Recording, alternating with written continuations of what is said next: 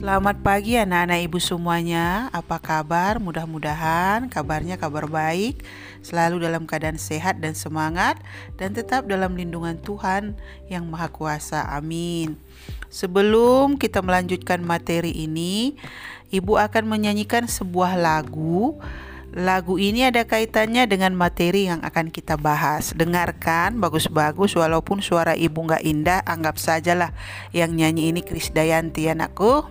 Oke. Akan ku ingat selalu Ade Irma Suryani Waktu dipeluk di pangku ibu dengan segala kasih. Kini dia terbaring di pangkuan Tuhan, senang dan bahagia hatinya. Kini dia terlena, tertidur terbaring, nyenyak di pelukan Tuhannya. Di pajar ade terjaga. Itu judul lagunya Ade Irma Suryani. Nah, siapa itu Ade Irma Suryani? Ayo tunjuk tangan. Ya, Ade Irma Suryani itu adalah putri dari Abdul Haris Nasution yaitu salah seorang tokoh perwira angkatan darat yang selamat dari peristiwa G30 SPKI tetapi anaknya yang perempuan berusia lima tahun tertembak kemudian dirawat dan meninggal atau wafat Berarti materi kita sekarang adalah materi yang membahas peristiwa G30 SPKI atau yang juga ada buku menuliskannya Gestapu. Kalau G30 SPKI, anak ibu rata-rata sudah tahu kepanjangannya. Kalau Gestapu itu kepanjangannya Gerakan September 30. Kalau dulu peristiwa PKI Madiun juga terjadi di bulan September dan PKI di Jakarta ini juga bulan September. Nah, peristiwa G30 SPKI merupakan peristiwa kelam atau peristiwa berdarah yang terjadi dalam sejarah Indonesia dan ini adalah salah satu upaya kudeta yang dilakukan oleh PKI untuk menggulingkan pemerintahan yang sah dan mengganti ideologi Pancasila dengan ideologi komunis. Sejarah tentang G30 SPKI sampai sekarang masih menimbulkan polemik tentang siapa dalangnya. Kalau di bukumu di halaman 1617 ada teori delangnya itu sebenarnya adalah angkatan darat sendiri. Ada kemudian keterlibatan CIA. Kemudian ada keterlibatan Inggris dan Amerika Serikat. Lalu ada yang paling yang paling ekstrim menyatakan dalangnya itu adalah Presiden Soekarno dan bahkan ada yang menyebut dalangnya itu adalah Soeharto. Setiap teori pasti memiliki alasan. Terserah kepada anak-anak ibu nanti menilai teori manakah yang paling tepat. Cuman jangan salah ngomong nanti jangan muncul uh, satu kalimat yang menyatakan menurut guru sejarah saya dalang dari PKI itu adalah Soeharto. Bukan ibu yang menyebutnya Soeharto, tetapi ada teori yang menyatakan itu. Oke anak, dipahami ya?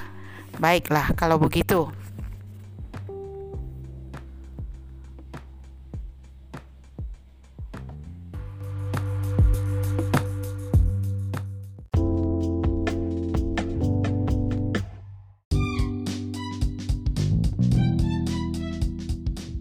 Peristiwa G30S PKI itu bukan sebuah kejadian spontan atau tiba-tiba, tetapi itu sebenarnya sudah dipersiapkan jauh-jauh hari.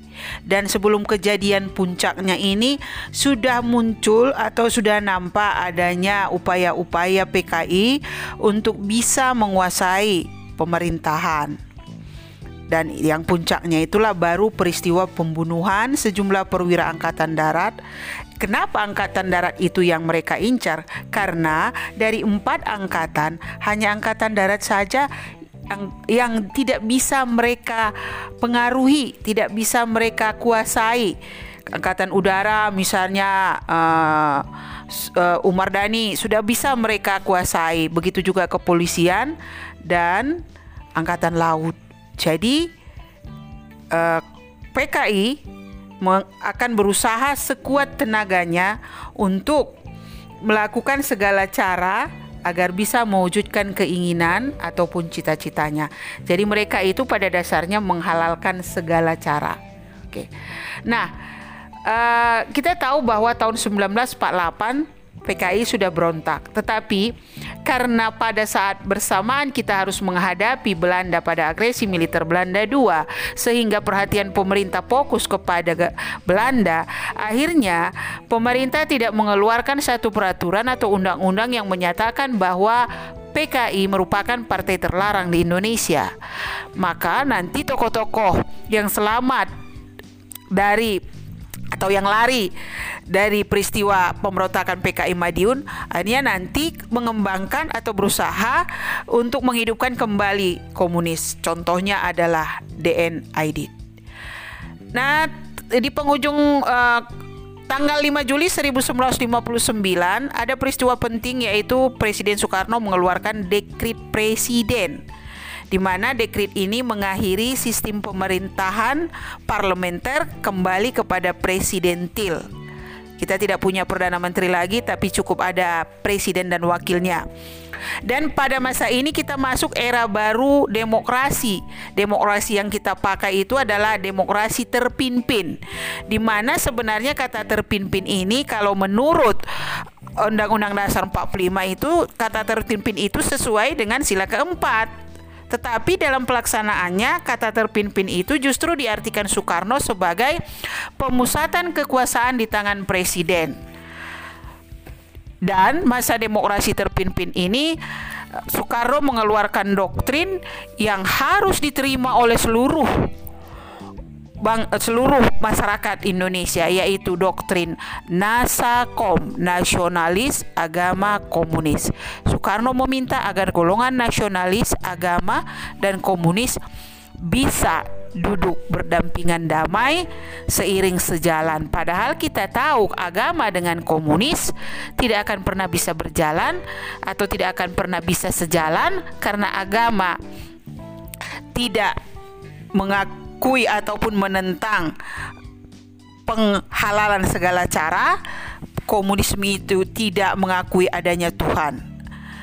Tapi karena besarnya kekuasaan Soekarno, maka mau tak mau mayoritas penduduk Indonesia itu harus setuju dengan doktrin Nasakom.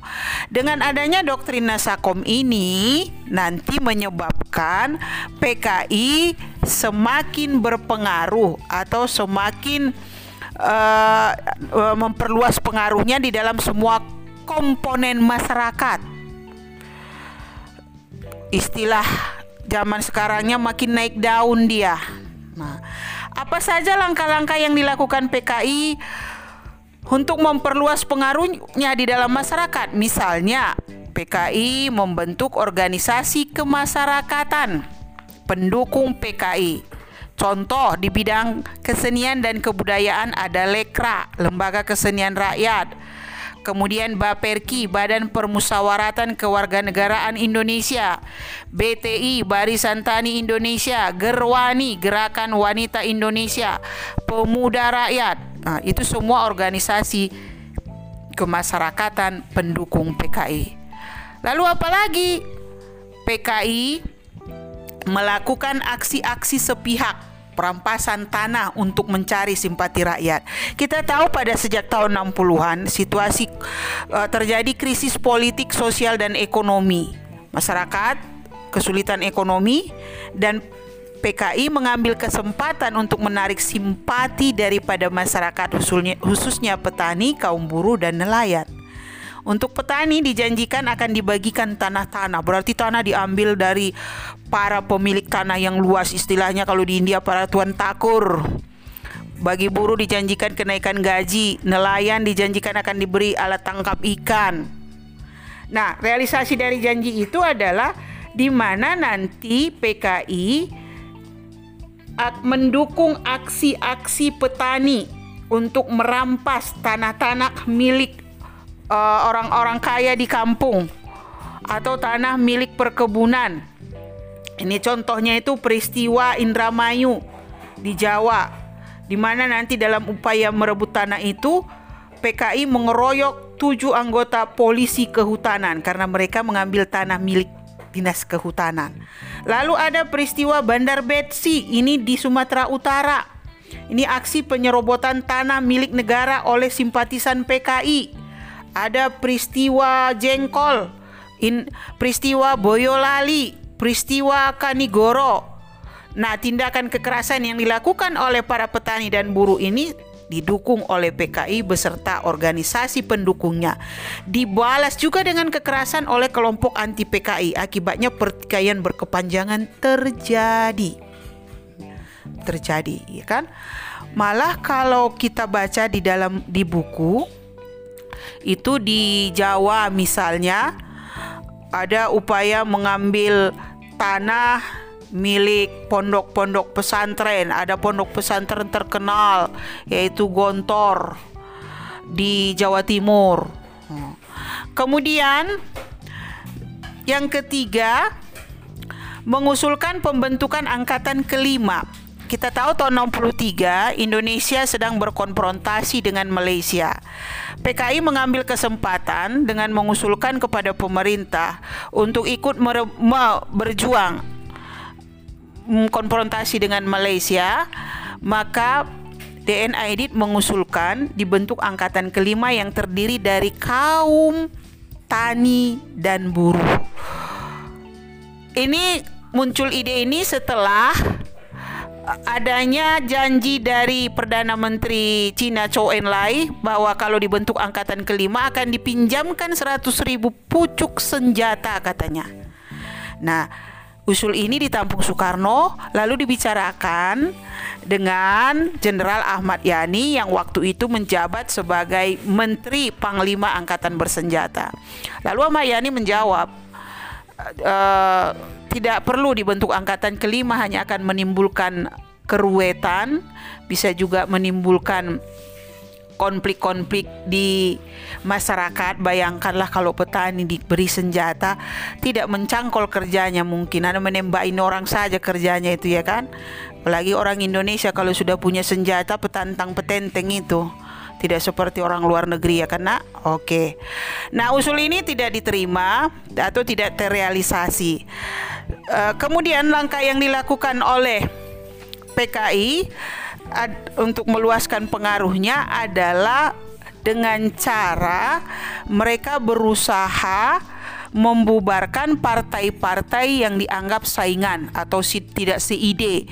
Contohnya adalah Partai Masumi dan PSI, Partai Serikat Indonesia, bukan PSI yang sekarang. Partai Sosialis Indonesia. Hmm, salah tadi ya. Masumi Majelis Suro Muslimin Indonesia. Lalu apalagi? Misalnya Lekra tadi punya saingan yaitu namanya Manikebu organisasi seniman yang uh, anti komunis lalu dibubarkan. Lalu apalagi ada badan pendukung Soekarno dibubarkan juga. Uh, ini adalah upaya PKI untuk meminimalisir saingannya. Jadi uh, mereka sudah bisa memasukkan pengaruhnya di tubuh angkatan laut, angkatan udara, kepolisian di bidang kesenian, politik dan segala macam. Tetapi upaya PKI untuk melumpuhkan angkatan darat tidak pernah berhasil. Maka PKI semakin hari semakin gencar memfitnah ataupun uh, mengkritik Angkatan Darat. Uh, salah satu fitnahan yang kemudian dilemparkan oleh PKI adalah tuduhan bahwa di dalam tubuh Angkatan Darat ada isu Dewan Jenderal. Isu ini dilontarkan PKI dan Soekarno hampir-hampir percaya lalu dia panggillah Ahmad Yani. Ahmad Yani itu sebenarnya adalah anak kesayangan dari Soekarno. Jadi mungkin dipanggil Yan Rene Dise gitu ya kan. Aku dengar koe mau bentuk uh, Dewan Jenderal. Lalu Ahmad Yani bilang, itu nggak benar pak. Yang ada Dewan Wanjakti, Dewan Jabatan Tinggi yaitu Dewan yang memberi penghargaan kepada perwira-perwira tinggi yang mau pensiun. Nah, tuduhan tentang Dewan Jenderal ini didasarkan kepada katanya Subandrio menemukan dokumen yang dikenal dengan dokumen Gilchrist. Gilchrist itu siapa? Gilchrist itu adalah duta besar Inggris di Indonesia. Lalu ada anggota pemuda rakyat menyerbu pila milik Bill Palmer Bill Palmer itu distributor film Amerika di Puncak Bogor. Jadi sana ada rumahnya, pilanya. Nah di dalam rumah itu ditemukan dokumen yang berisi tentang kemungkinan kerjasama Inggris dengan Angkatan Darat Indonesia karena di dalam dokumen itu ada tulisan Our Local Army Friend yang diartikan teman-teman uh, tentara ataupun tentara kawan-kawan kita atau yang diartikan sebagai tentara Indonesia yang akan berencana menggulingkan Soekarno. Itulah yang kemudian dituduhkan sebagai Dewan Jenderal. Nah, ternyata tidak benar. Karena dokumen itu setelah diperiksa sampai sekarang juga dikatakan bahwa dokumen itu palsu. Kemudian mulai bulan Juli 1965 Soekarno itu sudah mulai sakit-sakitan dan lah kemudian yang mendatangkan dokter dari Tiongkok untuk memeriksa kesehatan Soekarno. Jadi DNA itu bebas keluar masuk istana. Begitu juga dengan Ahmad Yani. Jadi Soekarno itu berada di posisi di tengah. Sebelah kiri dia mendengar bisikan Ahmad Yani, sebelah kanan mungkin dia mendengar bisikan dari DNA Aidit. Dan Soekarno lah yang harus menyimpulkan mana yang baik dan mana yang tidak.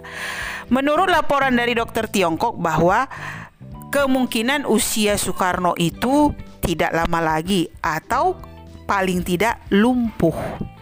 Nah, andaikan Soekarno mati duluan istilahnya, maka PKI menganggap kesempatan untuk uh, melakukan kudeta bisa jadi semakin kecil karena pasti kekuasaan akan jatuh ke tangan angkatan darat.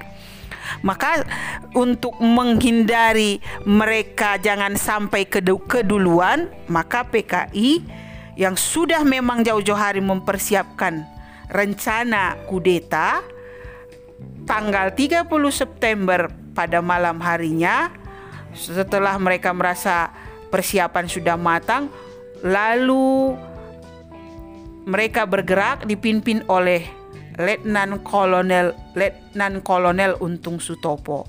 Siapa itu Untung Sutopo? Dia itu sebenarnya komandan batalion satu resimen Cakrabirawa. Cakrabirawa itu kira-kira kalau sekarang sama dengan pasukan pengawal presiden. Jadi orang akan percaya akan membukakan pintu kalau misalnya pengawal presiden yang datang ke rumah. Berarti kan itu atas suruhan presiden gitu logikanya. Oke? Maka pasukan itu dibagi-bagi dan mereka sudah punya catatan rumah siapa saja yang mau didatangi. Dan rumah itu adalah rumah dari perwira tinggi angkatan darat. Maka yang menjadi incaran pertama Letnan Jenderal Ahmad Yani karena jabatannya sebagai Menteri Panglima Angkatan Bersenjata, Mayor Jenderal F. Suprapto, Mayor Jenderal S. Parman, Mayor Jenderal MT Haryono, Brigadir Jenderal DI Panjaitan, Brigadir Jenderal Sutoyo Siswo Miharjo, dan juga Jenderal Abdul Haris Nasution sebagai Kepala Staf Angkatan Bersenjata. Tetapi kalau dikatakan mati itu adalah urusan Tuhan, uh, ternyata Jenderal Abdul Haris Nasution bisa meloloskan diri dari upaya penculikan, tetapi putrinya Ade Irma Suryani meninggal setelah peluru penculik menembus tubuhnya. Ke mana dia berlari? Kalau kamu tonton film G30 SPKI, di samping rumahnya itu ada rumah kedutaan besar Iran dan sebelah kirinya itu ada rumah dari jenderal uh, dari wakil perdana menteri Dr. J. Laimena. Maka dia melompat ke sana. Tapi dia ada punya um, ajudan yang bernama Pierre Andreas Tandean, masih seorang lajang yang ganteng dan berencana akan menikah dalam waktu dekat dengan seorang wanita dari Medan. Undangan sudah disebarkan tetapi takdir berkata lain. Pierre Andreas Tandean itu mengaku sebagai Abdul Haris Nasution sehingga nanti dialah yang dibawa ke lubang buaya. Begitu juga polisi Saswi Tubun yang menjadi pengawal rumah di di Dr. J. Mena juga menjadi ikut nanti menjadi korban penculikan.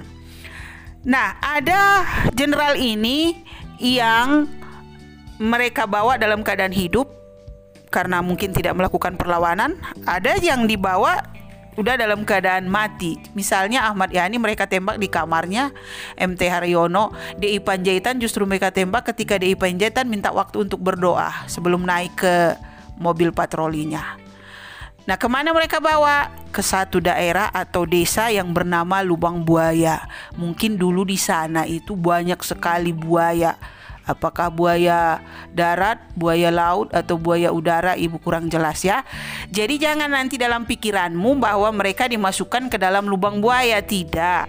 Mereka justru dimasukkan itu ke dalam sumur kering dengan kedalaman 12 meter. Jadi nama desanya itu lubang buaya dan desa itu dijadikan sebagai tempat latihan pasukan pemuda rakyat dan Gerwani yang kalau ditanya ngapain kalian di situ berlatih ini nanti mau ikut berjuang berkonfrontasi dengan Malaysia gitu. Nah, di sana itu malam harinya itu di sana sudah berkumpul tadi para pemuda rakyat dan Gerwani. Di sana yang masih hidup itu diikat, ada yang dipukuli, ada yang disilet, ada yang disulut dengan api rokok disuruh nanti taken general gitu kalimatnya. Taken itu maksudnya take in itu kan tanda tangan. Tanda tangani jenderal apa yang mau ditandatangani surat. Surat apa itu? Surat yang menyatakan bahwa memang benar adanya isu dewan jenderal. Lalu mereka menolak. Karena menolak ya disiksa. Waktu disiksa itu para wanita para pemuda itu bersorak-sorak meneriakkan yel-yel ganyang kafir, ganyang nekolim. Itu bayangkan pembunuhan disertai dengan sorak-sorakan. Nah, setelah dipukul dimasukkan ke dalam lubang, ditembaki dari atas, kemungkinan belum mati, ditutup pakai daun-daun kering lalu di atasnya mereka tanam dengan pohon pisang. Sadis kan? Ya nggak ada rasa kasihannya. Nah selain di Jakarta, di Jogja ada dua orang juga di Jawa Tengah dan Jogja yang juga dibunuh, yaitu Kolonel Katamso dan Kolonel Sugiono. Itu juga angkatan darat. Nah, berarti paginya, pagi besoknya tanggal 1 Oktober 1965 PKI berhasil menguasai sarana komunikasi vital. Apa itu RRI? Kalau dulu sarana komunikasi utama itu adalah RRI. Kalau sekarang orang nggak disiarkan di televisi, bisa saja lihat di media sosial. Jadi nggak di YouTube dan segala macam. Jadi televisi bukan lagi media vital yang utama. Nah, setelah mereka kuasai, lalu mereka kemudian mengeluarkan pengumuman pengumumannya itu berisi tentang bahwa gerakan yang mereka lakukan itu ditujukan kepada Dewan Jenderal. Kemudian dikeluarkan dekrit pembentukan Dewan Revolusi. Yang ketiga, mendemisioner kabinet Dwi Kora, kabinet yang dibentuk Soekarno. Yang keempat, dihapus pangkat jenderal dan pangkat tertinggi dari ABRI. Jadi pangkat tertingginya apa sekarang? Letnan Kolonel. Mereka yang berpangkat di atas Letnan Kolonel harus menyatakan setia kepada Dewan Revolusi dan berhak memakai tanda pangkat Letnan Kolonel. Kalau dia Bintara dan Tantama Abri ikut melaksanakan gerakan 30 September, maka dikasih imbalan pangkatnya dinaikkan satu tingkat. Sedangkan yang ikut gerakan pembersihan Dewan Jenderal dinaikkan dua tingkat. Lalu bagaimana dengan reaksi masyarakat? Masyarakat bingung mana yang benar ini gitu ya. Apakah memang benar adanya isu Dewan Jenderal atau tidak? Nah, berapa harikah mereka bisa berkuasa atas uh, ibu kota Jakarta? Tidak lama karena kemudian pada tanggal 2 Oktober 1965 Jenderal Mayor Jenderal Soeharto yang waktu itu menjabat sebagai Komando Strategi Angkatan Darat atau Panglima Komando Strategi Angkatan Darat atau Pangkostrat melihat bahwa Letnan Jenderal Ahmad Yani sudah ikut jadi korban, berarti terjadi kekosongan kekuasaan. Lalu dia menarik kesimpulan apabila Panglima Angkatan bersenjata berhalangan, maka bisa diambil alih oleh Panglima Kostrat. Panglima Kostrat memerintahkan pasukan resimen para komando Angkatan Darat atau yang disingkat dengan RPK untuk menumpas pemberontakan. 2 Oktober 65 pasukan RPK yang dipimpin Kolonel Sarwo Edi Wibowo berhasil menguasai markas pemberontak di Jakarta, di Jogja, Jawa Tengah. 3 Oktober satuan kesatuan RPK uh, dibantu oleh seorang polisi, Brigadir Polisi Sukitman. Dialah yang menunjukkan lokasi di mana mayat para perwira TNI Angkatan Darat tersebut dikuburkan. Dia berhasil lolos. Waktu itu menurut ceritanya pada malam kejadian 1 Oktober eh 30 September itu Sukitman itu sedang melakukan patroli.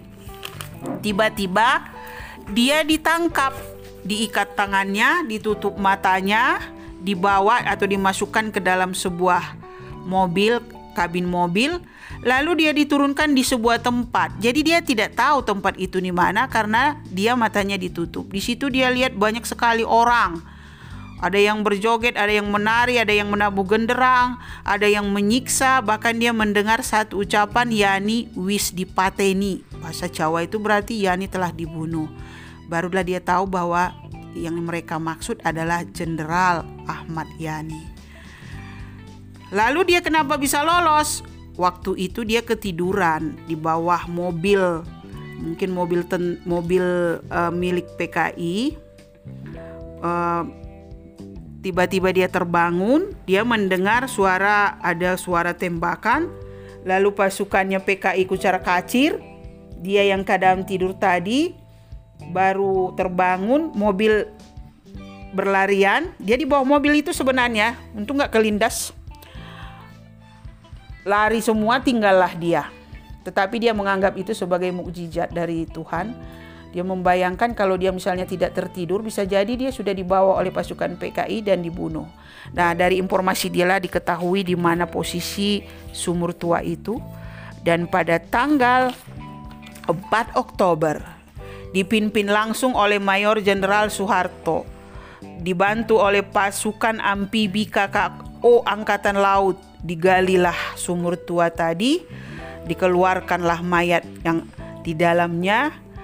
Kemudian besok harinya tanggal 5 Oktober 65 itu kalau dulu setiap 5 Oktober itu diperingati sebagai Hari Angkatan Bersenjata Republik Indonesia nak dikuburkanlah mayatnya itu yang berarti terdiri dari delapan karena ditambah dengan ajudan Abdul Haris Nasution dan Dr. Laimena dimakamkanlah di makam pahlawan dan dengan keputusan Presiden nomor 111 1965 keenam perwira itu diangkat sebagai pahlawan revolusi ditambah dengan nanti yang di Jawa Tengah dan Yogyakarta dan dibuatlah monumen Pancasila Sakti uh, atau monumen Lubang Buaya juga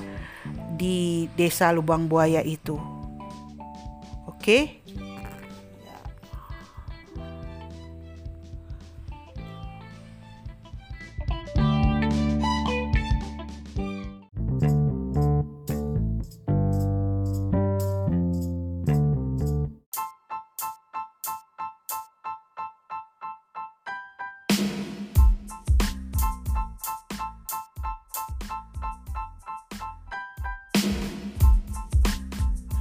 Jadi kesimpulannya nak bahwa komunis adalah partai atau paham yang menghalalkan segala cara. Mereka tidak mengenal adanya Tuhan dan sudah dua kali mereka mencoba melakukan kudeta. Namun bersyukur kita kepada Tuhan bahwa Tuhan masih menjaga negeri kita dan ideologi yang tepat untuk bangsa Indonesia itu memang adalah Pancasila. Tapi satu pesan Ibu bahwa walaupun PKI sudah dinyatakan sebagai partai terlarang dalam ketetapan MPRS nomor 25 1966 tetapi kita harus waspada dengan bahaya latennya karena sampai hari ini yakin dan percayalah bahwa komunisme itu masih ada di Indonesia. Dan orang-orangnya itu masih ada. Dan mereka akan muncul ketika tepat waktunya.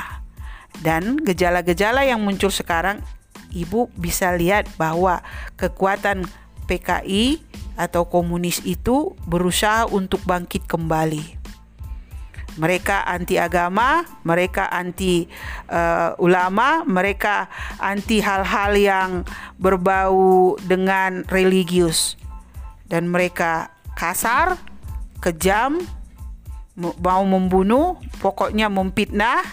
Itu adalah ciri-ciri dari komunis. Sebagai generasi muda bangsa Indonesia, harus tetap waspada. Jangan terpengaruh dengan ideologi-ideologi yang merugikan bangsa dan negara ya nak? Oke. Jika ada pertanyaan silakan japri ibu, nanti akan ibu jawab semampunya. Setelah ini kerjakan tugas kirim ke beranda Edmodo ibu. Buat yang bagus tulisannya ya anakku ya. Terus mengirimnya vertikal, jangan sampai ibu harus miring-miring kepala ibu membuka dan membaca tugasmu itu. Jangan ditumpuk-tumpuk tugasnya, kerjakan supaya tidak menjadi beban. Sekian, terima kasih.